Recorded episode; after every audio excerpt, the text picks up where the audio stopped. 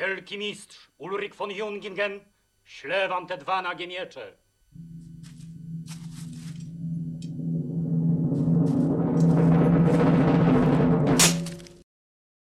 Na mocy pokoju zawartego w Kaliszu w 1343 roku król Kazimierz III zwany Wielkim zrezygnował na rzecz Krzyżaków z praw do ziem zdobytych w XIII i na początku XIV wieku przez rycerzy zakonnych, Pomorza Gdańskiego, ziemi chełmińskiej i michałowskiej. W zamian za to odzyskał ziemie opanowane przez Krzyżaków w latach 1327-1333 za życia jego ojca Władysława Łokietka, Kujawy i ziemię dobrzyńską. Nastał trwający prawie pół stulecia okres pokojowych stosunków pomiędzy Królestwem Polskim a Krzyżakami. Ci ostatni w tym czasie byli zainteresowani głównie podbojem litewskiej Żmudzi, która mogłaby stać się pomostem łączącym dwa autonomiczne państwa zakonne w Prusach i Inflantach. Dopiero gdy w 1392 roku Władysław Opolczyk, jeden z piastowskich książąt śląskich, bezprawnie oddał Krzyżakom w zastaw ziemię dobrzyńską, krok ten wywołał oburzenie w Królestwie Polskim. Dodatkowo w 1402 roku zakon krzyżacki uzyskał w zastaw graniczącą z Wielkopolską nową marchię. Nastroje po stronie polskiej uspokoił nieco fakt, że zakon krzyżacki w traktacie pokojowym zawartym w Raciążu w 1404 roku zatrzymał co prawda litewską żmudź, zgodził się jednak na wykup przez Polskę ziemi dobrzyńskiej, do czego doszło w następnym roku. Sprawę skomplikował wybuch antykrzyżackiego powstania na Żmudzi w 1409 roku. Ówczesny wielki mistrz zakonu krzyżackiego Ulrich von Jungingen liczył na powściągliwe stanowisko w tej sprawie polskiego króla Władysława Jagiełły i jego polskich poddanych, wśród których wizja do odnowienia wojny z zakonem nie wywołała raczej euforii. Zawiódł się jednak srodze. Arcybiskup gnieźnieński Mikołaj Kurowski, stojący na czele wysłanego do Malborka w lipcu 1409 roku polskiego poselstwa, skierował do wielkiego mistrza słowa. Bądź pewien, że podczas gdy ty napadniesz na Litwę, nasz król najedzie na Prusy. Rozsierdzony Urlich von Jungingen zakrzyknął na to, że jeśli tak, to skieruje on raczej krzyżacki atak na głowę, to jest Królestwo Polskie, niż członki, to jest Księstwo Litewskie. 6 sierpnia 1410 roku wielki mistrz oficjalnie wypowiedział Polsce wojnę. No i teraz y, natychmiast niemal rozpoczyna, jeśli znowu mogę sobie pozwolić na taki anachronizm, Blitzkrieg. Czyli Wojnę błyskawiczną. Bo to błyskawicznie. pojęcie znamy z okresu No tak, no tak ale, tu, ale tu rzeczywiście, bo y, wojska, lit, y, wojska krzyżackie, bardzo szybko zmobilizowane, Mhm. pospolite ruszenie, może trochę wojsk zaciężnych, y, uderza z kilku stron. Z kilku stron. Na północną Wielkopolskę, na Kujawy, na też, yy, znaczy na północną Wielkopolską stronę właśnie Nowej Marchi, ale główne uderzenie, i to prawda, jest lipiec 1409 roku. Yy, Ziemia Dobrzyńska nie była do, do obrony. Właściwie no, mm, nie dało się jej obronić. No, tutaj nieliczne tylko oddziały y, zostały przerzucone prawda, na barkach, na łodziach prawda, przez Wisłę i wsparły y, obronę no, głównych krotów w ciągu no, jakichś dwóch tygodni. W ciągu dwóch tygodni krzyżacy zajęli zbrojnie e, całą ziemię Dobrzyńską, prawda, wszystkie na zamki, miasta, e, prowadząc bardzo brutalną kampanię. No, tam Starosta e, został miejscowy, prawda, stracony, wzięty do niewoli. Załogi były też po prostu Polskie załogi. polskie załogi. Obrońcy byli, no, mm, na nich dokonywano, krzyżacy dokonywali egzekucji egzekucji. E, Później wojna przeniosła się właśnie na północne e, Kujawy. Tutaj e, skoncentrowała się, można powiedzieć, wokół Bydgoszczy. Bydgoszcz to było bardzo ważne miasto i ważny zamek, bo on, Bydgoszcz regulowała dostęp do Kujaw. Krzyżacy Bydgoszcz zdobyli. Kiedy? To właśnie później, prawda? Mm. Czyli jesień Tak jest, 1409 już y, zosta- nie zanudzajmy naszych słuchaczy mm, dokładnymi datami, prawda, więc jak chciałbym to szybciutko jakby zamknąć już. E, No ale zbiera się pols- pospolite ruszenie rycerstwa polskiego, wielkopolskiego, małopolskiego i rusza polska kontrofensywa. Rusza polska kontrofensywa, która doprowadziła do odbicia Bydgoszczy. E, Warto zauważyć, że w czasie tej wojny w której prawda, e, uczestniczą, walczą wojska głównie pospolite ruszenie, rycerstwo. To ta wojna to jest po prostu zdobywanie, obleganie i zdobywanie szturmem miast i zamków. Więc walczy rycerstwo spieszone. Potrafi walczyć. No więc to warto pamiętać o tym, prawda, że to rycerstwo to nie jest taka, powiedzmy, formacja, która potrafi tylko jedno, prawda, wsiąść na koni i ruszyć do ataku przed siebie i nic więcej, prawda, że to jest ba- bardziej uniwersalne, prawda, to jest e, formacja, bardziej uniwersalna formacja militarna. I teraz masowe użycie artylerii w czasie tych działań oblężniczych. W jaki Już sposób? Już. W jaki sposób odbito Bydgoszcz? Armia polska prawda, otoczyła wysokimi szańcami. Na te szańce wciągnięto armaty i przez 7 dni mury, kruszono mury y, Bydgoszczy. I po tym szturm przez wyłomy i zdobycie Bydgoszczy. I teraz sytuacja jest taka. Ziemię dobrzyńską zdobyli krzyżacy. E, Nie utrzymali Bydgoszczy.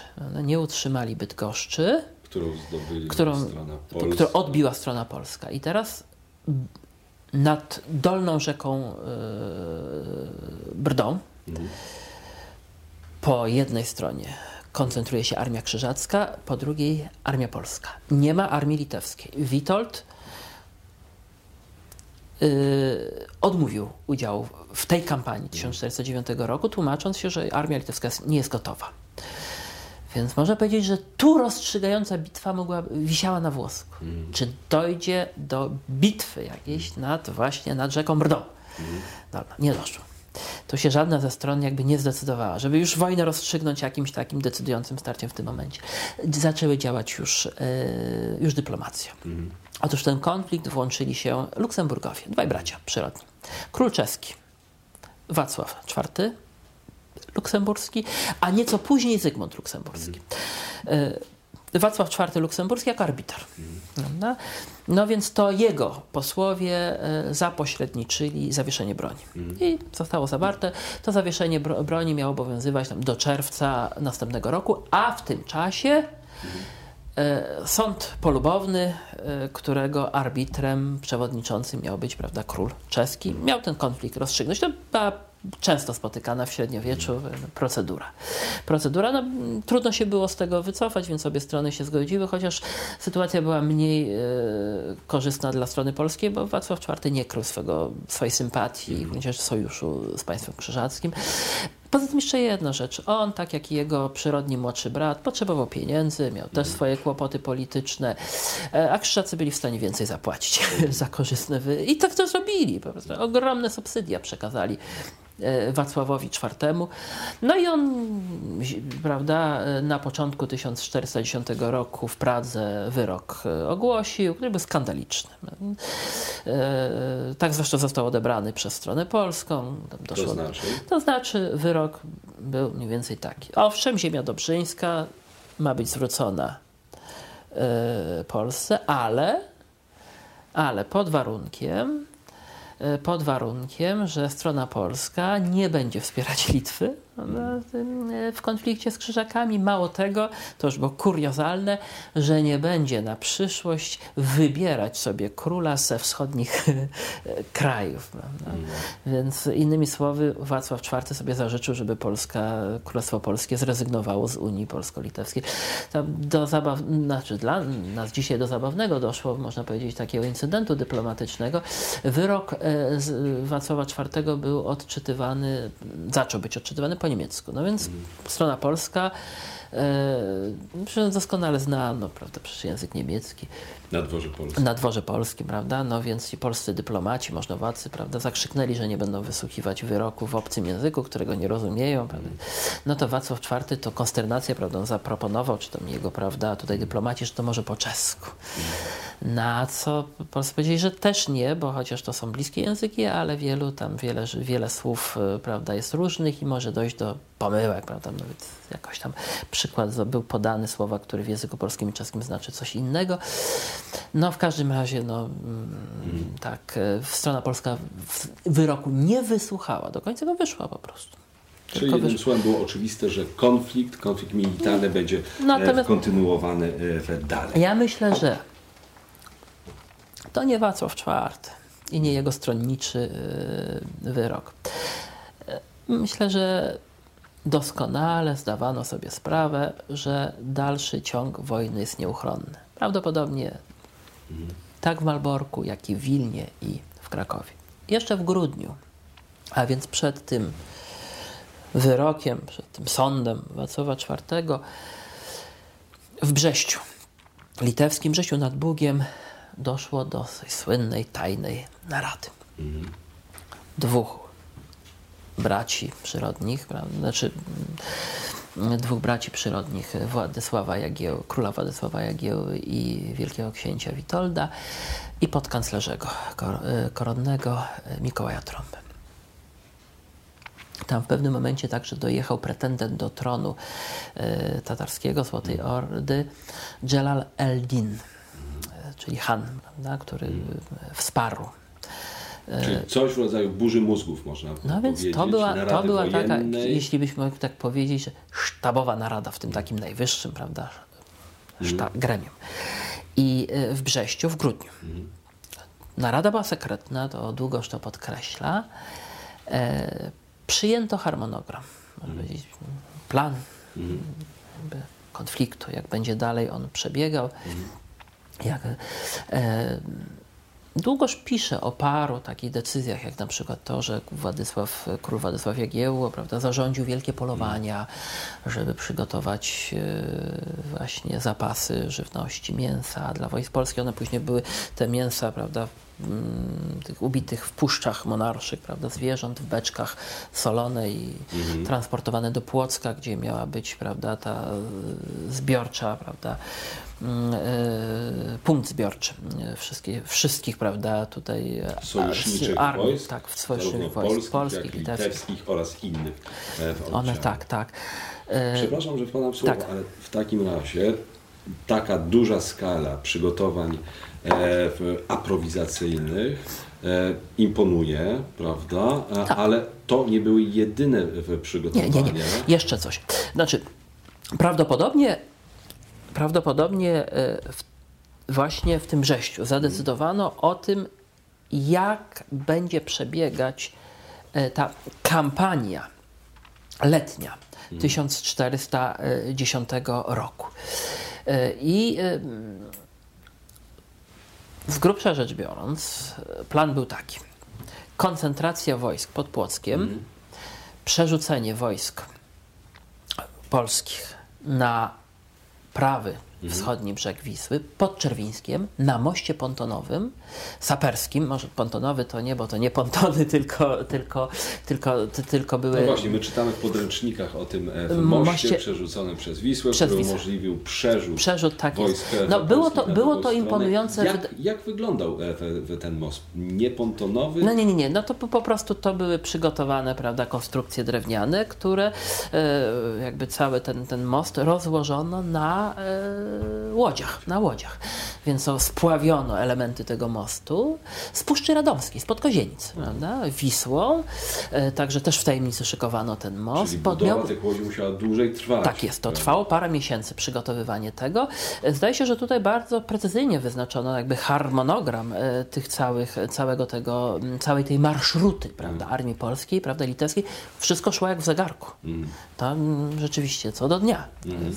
Jak ta marszuta mniej więcej E, wyglądała? No więc e, za chwilę. Natomiast jeszcze tutaj, zanim do tego przejdziemy, a więc tak, koncentracja pod Płockiem, prawda, przerzucenie wojsk e, przez, pod Czerwińskiem i dalej marsz w kierunku stolicy. Mal- Stolicy. państwa Malborka. krzeckiego, czyli Malbork, w kierunku Malborka, najprawdopodobniej. Po pierwsze, jaki był charakter obu armii? To było pospolite ruszenie. W obu przypadkach pospolite ruszenie rycerskie, prawda? więc e, polskie, może powiedzieć litewskie też, chociaż ta kultura rycerska, prawda, tutaj wolniej się, to powoli, prawda, przenika, no, może byłoby lepiej powiedzieć bojarstwo, prawda, które, które zaczyna jednak naśladować prawda, rozwiązania y, do, Zachodnie. zachodnie, za, zachodnioeuropejskie. I teraz to pospolite ruszenie to jest armia, która e, to jest rycerstwo, prawda? Które może prowadzić zaledwie kilka miesięcy, prawda? M, być w polu. No, to, jest, to jest taka możliwość. Takie są możliwości Bo później mobilizacyjne. Wracać, No, z wracać. powrotem, Tak. Zajmować się własnymi Swoimi gospodarstwami. No, nie, nie da się, nie da się tak. pokojowej. Natomiast no, do dłuższych kampanii no, mogłyby się nadawać wojska zaciężne, które ewentualnie prawda, rotacyjnie prawda, uzupełniane. To by piekielnie kosztowne. E, Zakon Krzyżacki właściwie było stać na wojska, na wojska mm, zaciężne. Państwo polsko-litewskie nie. To jest z tą, z tą, z tą no powiedzmy tym Polską, Litwą, prawda, to jest ten problem, że to, to jest mm, państwa, które mają spory potencjał, prawda, jeśli chodzi o demografię, o terytorium, ale już wówczas trzeba powiedzieć, że chyba słabą skarbowość. Właściwie może być na czym się opierał skarb e, króla polskiego? Na kopalniach soli w Wieliczce i w Bochni. To była jedyna, tak na, na dobrą sprawę, jedna żywa gotówka. No więc armię, powiedzmy tak, no nie, tylko pospolite ruszenie tu w Czyli grę wchodziło. Krzyżaków potencjalnie stać było Sta- na zmobilizowanie wojsk zaciężnych. wojsk zaciężnych. Które, tak, które by, można powiedzieć, by byłyby bardziej, No właśnie. prawda, wszechstronne. No to, to jest e, tutaj, mm, trzeba powiedzieć, że jest niezrozumiałym e, dla mnie, jakby Mm. przez chwilę zostanę takim adwokatem strony krzyżackiej, niezrozumiałe e, jakby priorytety mm, do końca e, Urlicha von Jungingen, wielkiego mistrza Urlicha von Jungingen, który wydawał ogromne pieniądze na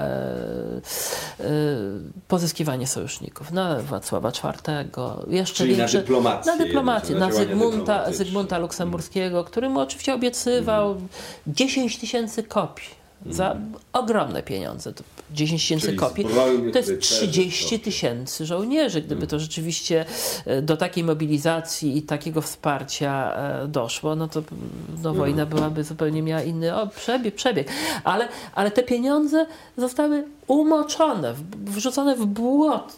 Natomiast za nie można by po prostu z, e, naprawdę wystawić kilka, może więcej, prawda, tysięcy No doborowych wojsk zaciężnych. Jeśli już mówimy o liczbach e, biorących żołnierzy, biorących udział w e, kampanii grunwaldzkiej po obu e, stronach, powiedzmy, jaka była liczebność w obu w armii?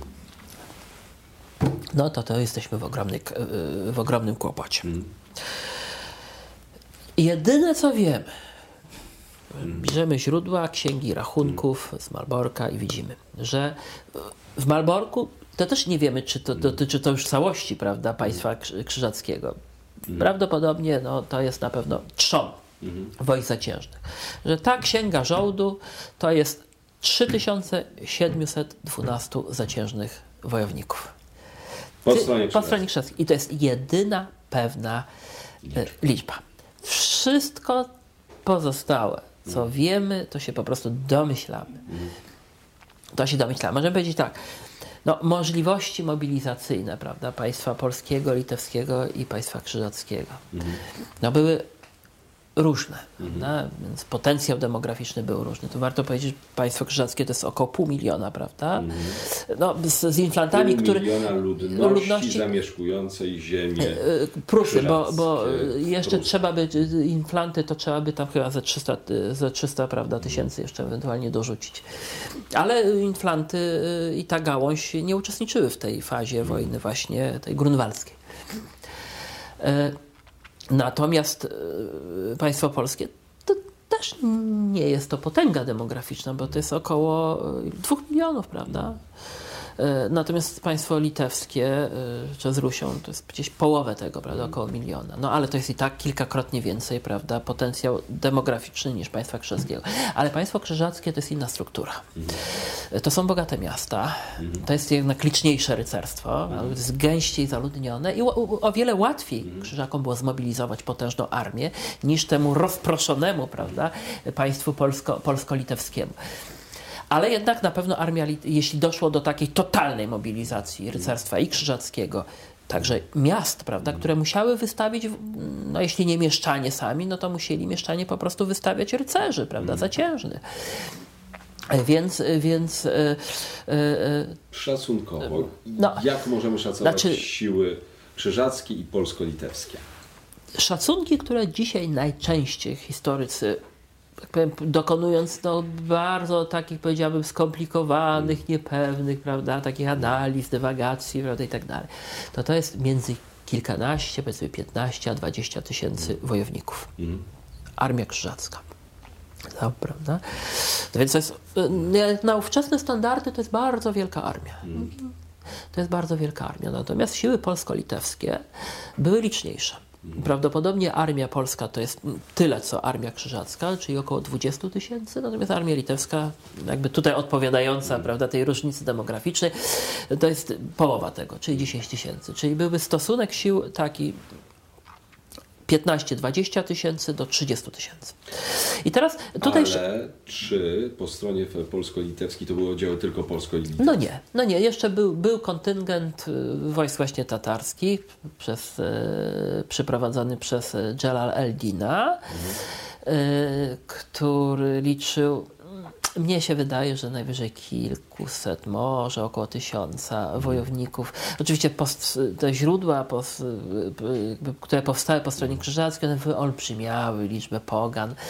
Też niektórzy historycy mm, byli gotowi uznać, że trochę więcej było tych wschodnich wojowników, bo e, to do tego może jeszcze dojdziemy w tych naszych rozmowach, no, taka, mieli taką tendencję do tego, żeby e, tak powiem forsować e, takie jakby bardziej otwartą taką e, strategię i także taktykę walki strony polskiej, inspirowaną tymi wschodnimi wzorcami. Czyli Polacy, Litwini, Litwini, Tatarzy. Tatarzy. I kto jeszcze znajdował się w No, jeśli mówimy o Litwini, to litewskiej? No to oczywiście Litwini to jest większość, to byli, to byli Rusini. Oczywiście, że większość armii litewskiej to, to były wojska po prostu ruskie, prawda? To nie ma tutaj, ale przecież rycerstwo małopolskie to, to, to też jest rycerstwo, prawda? Z, z Podola, z, Czyli też częściowo Rusini. też częściowo, też częściowo A Rusini. wśród zaciężnych wojsk, które częściowo Natomiast- wchodziły w skład armii polsko-litewskiej, czy były jeszcze jakieś inne narodowości? No, jedna, co najmniej jedna czeska chorągiew, prawda, świętego Jerzego, prawda, która, która tam były Czyli problemy. Czesi. Czyli, czyli Czesi. No oczywiście, jeśli mówimy o armii polskiej, no to jednak trzeba pamiętać, że częścią, część ludności polskiej to jednak na co dzień mówiła po niemiecku. To znaczy? E, To znaczy na przykład mieszkańcy miast, e, którzy na Na przykład... przykład Krakowa. Na przykład Krakowa. No akurat mm, zdaje się, że tutaj, y, no ale też miasta pewnie swoje jakieś tam kontyngenty też tutaj musiały dostarczyć, prawda, tego mm, rycerstwa, Czy zbrojnych. czy, czy tak jest, czy, czy, czy, czy zbrojne. potrzeby Tak, kampanii tak, tak, grunwaldzkiej. A Tak. jeśli spojrzymy na Armię Krzyżacką, e, ona się składała e, z kogo e, właściwie? My mamy obraz, No tak. e, prawda, ze To jest- filmu to- Aleksandra Ach, e, no tak, Forda, no tak. przedstawiający Jeśli- Mhm. to rycerstwo odziane w białe płaszcze, czarne krzyże. No to więc właśnie tutaj to warto z tym stereotypem skończyć. Raz na zawsze. To znaczy? To jeśli oczywiście no, naszym celem jest dążenie do takiej prawda, obiektywnej prawdy, Tak. no, takie odpowiedzi, odpowiedzi na pytanie, takie klasyczne pytanie Mm. historiografii, no jak to naprawdę było w przeszłości, prawda, jak to wyglądało, prawda. No więc Armia Krzyżacka. E, po pierwsze, państw, państwo krzyżackie to jest państwo o strukturze już także stanowej, prawda? A więc mamy mieszkańców wsi, prawda, miast, no i rycerstwo. Teraz to rycerstwo, no to są niemieccy koloniści, ale to są potomkowie dawnej, prawda, ludności tej powiedzmy polskiej, prawda, jeśli możemy tak e, dla tego okresu powiedzieć, w każdym razie słowiańskiej, prawda, E, wśród e, przecież ludności także zamieszkującej Prusy, wśród tego drobnego rycerstwa, prawda, jest wielu potomków jeszcze dawnej ludności, pruskiej, Prusów. Czyli którzy- pobratymców Litwinów. Litwinów, którzy mówią językiem, prawdopodobnie byłby zrozumiały, był zrozumiały dla Litwina, prawda? Jakimś, z jakimś pewnym wysiłkiem. Tak, tak jak dla nas byłby zrozumiały, prawda, język czeski. Więc w armii, w armii krzyżackiej mamy do czynienia, jeśli weźmiemy, że tak powiem, zadamy sobie pytanie o skład etniczny, prawda? Mamy Niemców, czyli ludzi mówiących po niemiecku, ludzi mówiących po słowiańsku, powiedzmy, po polsku, bo można. Je- posługujący się językiem pruskim, czyli prawda, jednym z tych języków e, Bałtów, prawda, bałtyckich. Mamy Czechów, prawda, którzy Zaciężny. są zaciężny.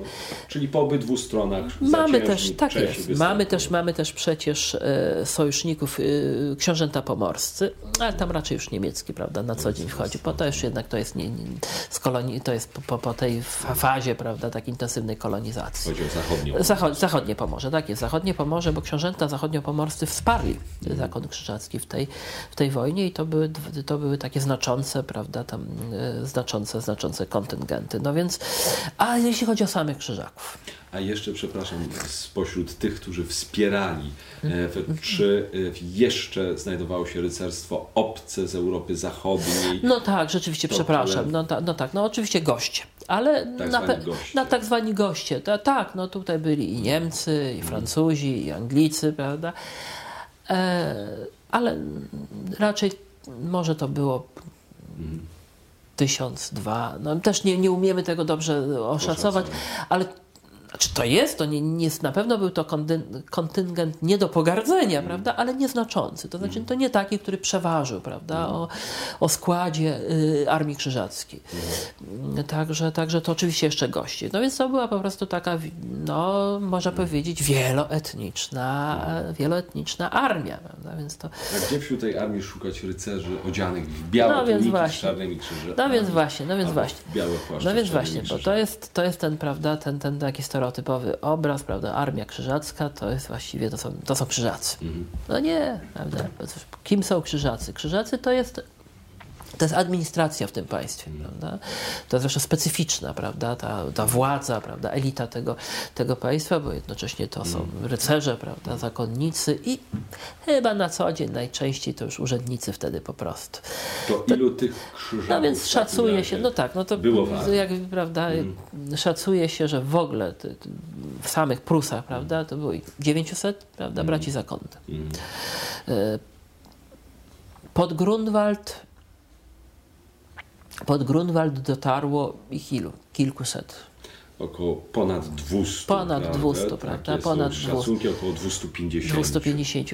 Y, Ja mówię, 900 to chyba zdaje się w całym państwie, prawda? państwie Zakonnie, zakonnym, natomiast w, w, szacunki, w, tak. w, w około 500 w Około samych plusach, 500 w prawda? samych Właśnie. plusach. W samych plusach około, około 500. No więc około 250 braci zakonnych, którzy tworzą taką dowódczą, prawda, elitę, kadrę, prawda, Kadrę w dowódczą. tej kampanii w tej, w tej kampanii. Czyli można powiedzieć tak, że w tej armii, która liczy 20 tysięcy wojowników, tylko 250 ma strój zakonny, a resztę są po prostu rycerze, tak samo uzbrojeni, czy podobnie odziani jak rycerze polscy. Prawda? Jak rycerze polscy. E, tu jeszcze jedna rzecz. Prawdopodobnie, no bo to taki efektowny jest ten strój, ten płaszcz, który prawda, raczej miał charakter ceremonialny. Chyba jednak w walce to nie zakładano tych płaszczy, bo one po prostu by krępowały ruchy, krępowały. To jest przecież to ciężka tkanina. Raczej po prostu właśnie takie te jaki, prawda? Czyli tunika, biała tunika nałożona na zbroję, prawda? doszło do przeprawy wojsk polskich mm, pod Czerwińskiem przez most przerzucony przez e, Wisłę. Doszło do połączenia sił polsko-litewskich i jakie były bezpośrednie wypadki, które poprzedzały e, bitwę grunwaldzką. E, Armia polsko-litewska miała maszerować na Malbork, takie były ustalenia, ażeby zdobyć stolicę państwa zakonnego.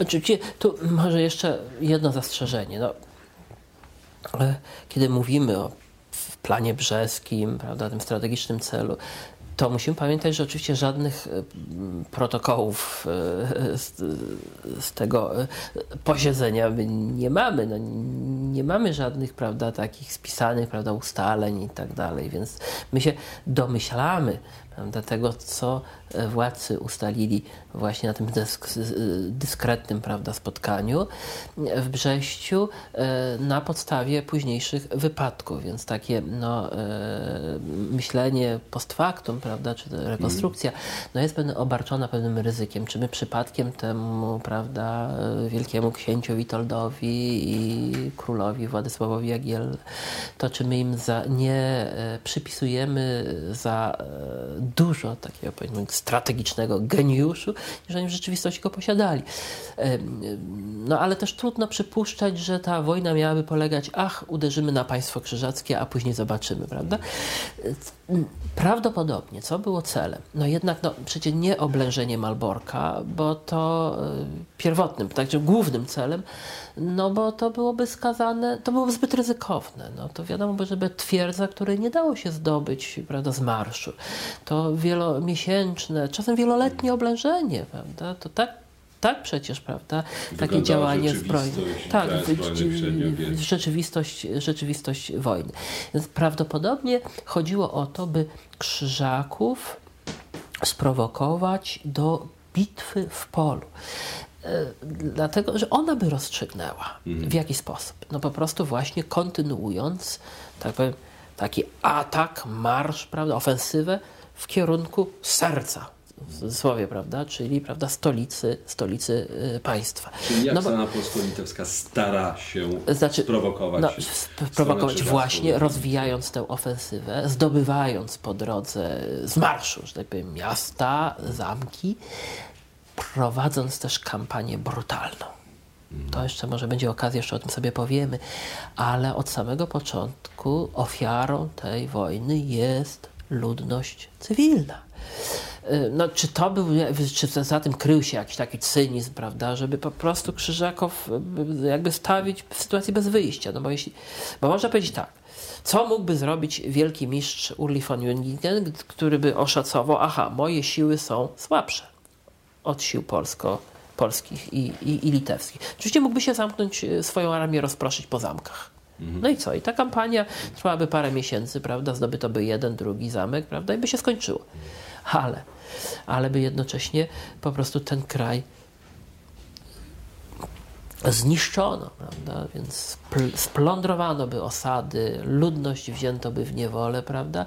No więc na to władca tego państwa, no nie mógł pozwolić. No, w ten sposób on by stracił, y, straciłby tę swoją twarz, prawda, straciłby honor, prawda, rycerski. Nie, nie więc doszło do musiał. takich aktów e, przemocy, tak jak wspomniałeś e, wcześniej, ze strony polsko-litewskiej, mhm. której ofiarą Ale e, padła ludność cały, to może być marsz. Jakie są przykłady właśnie takiej taktyki spalonej ziemi, po stronie polsko-litewskiej. No y, Armia polsko-litewska y, przeprawia się tam na przełomie między 30 a 2 lipca.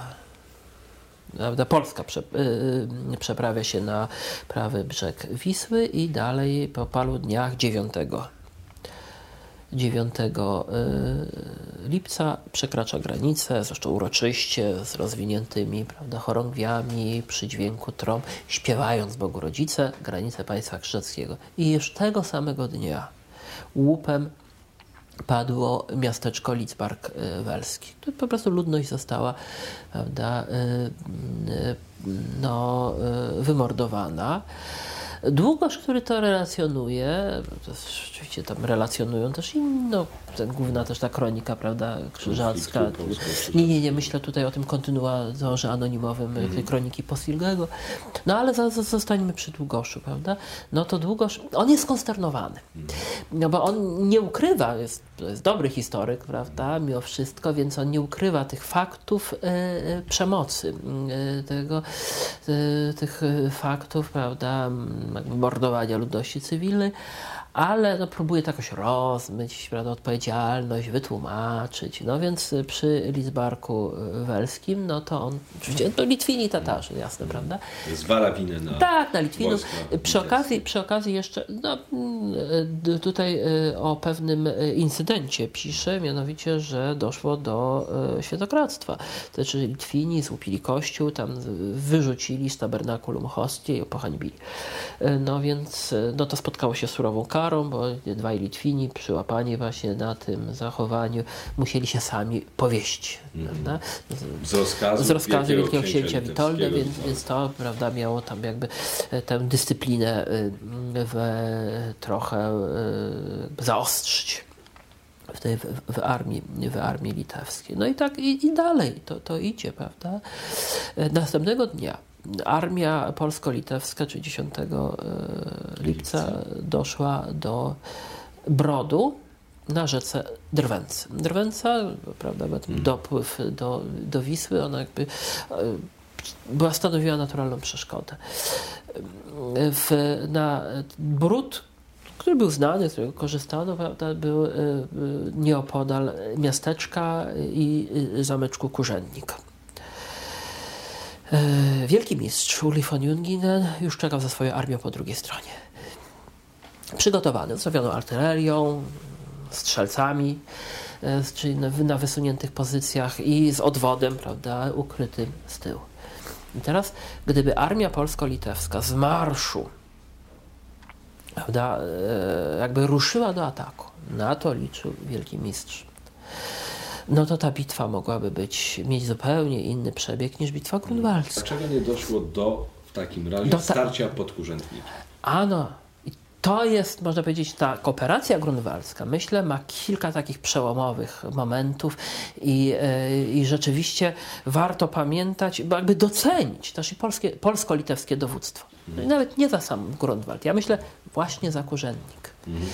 Bo jeśli możemy to dobrze tak odczytać z relacji, tę atmosferę, która wówczas panowała, rycerstwo, prawda? Przecież jest dyscyplinowana armia, To są, to są, rycerstwo są ludzie, którzy na co dzień nie słuchają rozkazów. Oni są panami, prawda? I bardzo trudno jest przyjmować, prawda, rozkazy, a jednocześnie no, są przesiąknięci tym etosem, prawda, powiedzmy takim rycerskim, dokonać walecznych czynów, prawda, walczyć. I w tym napięciu, prawda, takim przedbitewnym, prawda, no tak można sobie tak wyobrazić, tę, tę, jakby taką tę aurę taką e, emocjonalną, prawda, do kurzędnika, prawda, dochodzą pod kurzędnik, prawda, do tego brodu. Je, przeciwnik jest, to wiadomo, po drugiej stronie. No to walczymy, walczymy. Nie, prawda? Rozkaz, prawda, wycofania się. Kto wydaje taki rozkaz?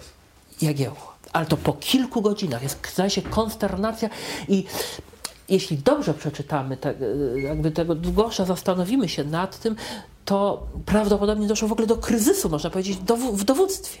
Polsko-litewski. Tak, tak, tak, tak. Co robić dalej?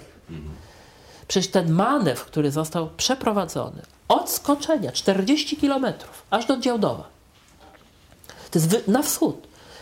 No przecież to jest jak, wy, jak ucieczka z pola bitwy. Przecież to mogło pogrzebać morale armii polsko-litewskiej. To mogła, ta kampania, były takie przypadki w średniowieczu, mogłaby już właśnie się zakończyć. To towarzystwo, prawda, w cudzysłowie, by się po prostu rozpieszkło.